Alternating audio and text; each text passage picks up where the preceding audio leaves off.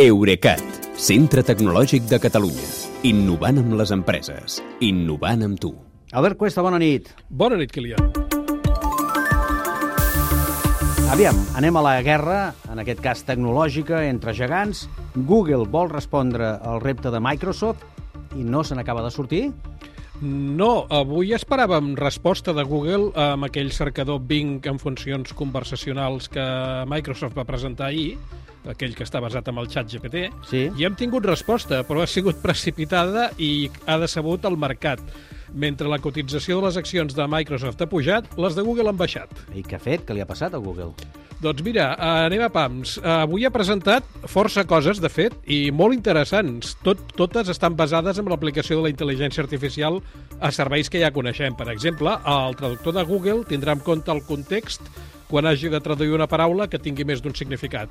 Uh, la funció lens de cerca per imatge guanya una cosa que anomenen multicerca, i és que si enfoques amb la càmera del mòbil, per exemple, una samarreta vermella, i a sota hi escrius que la, que la vols groga, uh, t'oferirà enllaços per comprar-la directament.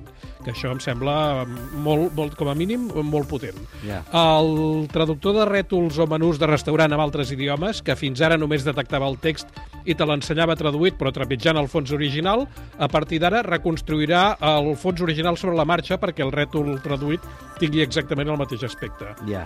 A, a Google Maps eh, afegeixen informació sobre els punts de càrrega per cotxes elèctrics quan car- calculis la teva ruta. Els carrers de moltes ciutats es podran recórrer virtualment amb una vista tridimensional bastant impressionant. Es podrà visitar virtualment també l'interior de museus, centres comercials i aeroports. I amb la realitat augmentada podràs enfocar un carrer i et sortirà sobreposada informació dels comerços, siguin fotografies, els horaris d'obertura o les puntuacions dels clients. També et dic que això, aquesta funció en concret, a mi no em sembla cap revolució perquè me'n recordo que el City Lens de Nokia, una aplicació dels, dels Windows Phone, ja feia això mateix fa més de 10 anys. Perdona, llista llarga, però no he notat que ensenyessin cap versió del cercador amb xat, com el nou Bing de Microsoft, que era el que tothom esperava avui. No han fet això? Doncs uh, sí, ho han ensenyat, però només molt de passada. Uh, uh, han mencionat que la informació a internet es buscarà de moltes maneres, tant amb el teclat com amb la càmera, i sí, també xatejant. Han recordat que abans d'ahir van obrir en proves un, el seu propi chatbot, que es diu BART, i que està basat en un model de llenguatge també propi, el que es diu Lambda, que vendria a ser l'equivalent de Google del xat GPT. I en aquest sentit no, no s'han estalviat tampoc de recordar que la T de xat GPT vol dir Transformer, que és una tecnologia que va crear precisament Google. Però ara com ara no sembla que tinguin el Google, diguem-ne, xatejable tan avançat com Microsoft. I és per això que- no n'han parlat. I és per això que dius que, que ha estat precipitada.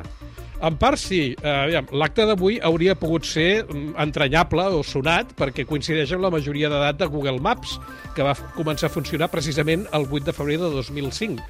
Però eh, han passat molt per sobre del futur eh, aquest cercador conversacional i, a més, hi ha hagut un parell d'incidències, eh, jo crec que significatives.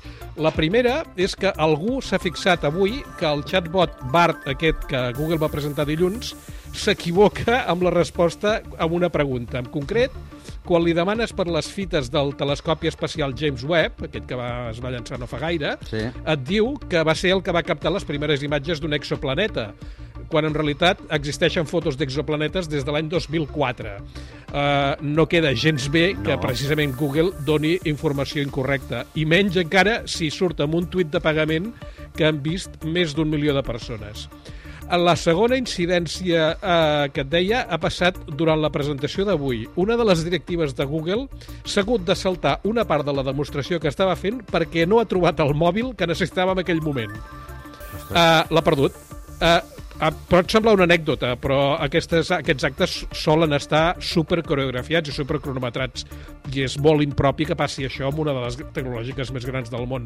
El ridícul, de fet, ha sigut tant que abans d'acabar l'acte el vídeo en directe a YouTube s'ha tallat i els espectadors ens hem quedat sense poder acabar de veure'l. Ostres, fins i tot els gegants se'ls pot agafar amb pas canviat, eh, una mica? Sí, a veure, jo no tinc del tot clar que els futurs dels cercadors passi per xatejar amb ells o no de manera exclusiva, però ara com ara, eh, si això és una competició de visibilitat amb intel·ligència artificial, el partit d'anada l'ha guanyat Microsoft. Bé, ara caldrà veure el de tornada. Gràcies Sí, i sí, fins sí. demà. Torna demà, eh, per cert, parlant de Demà. tornades. Fins demà. Fins demà. Bona nit, Kilian.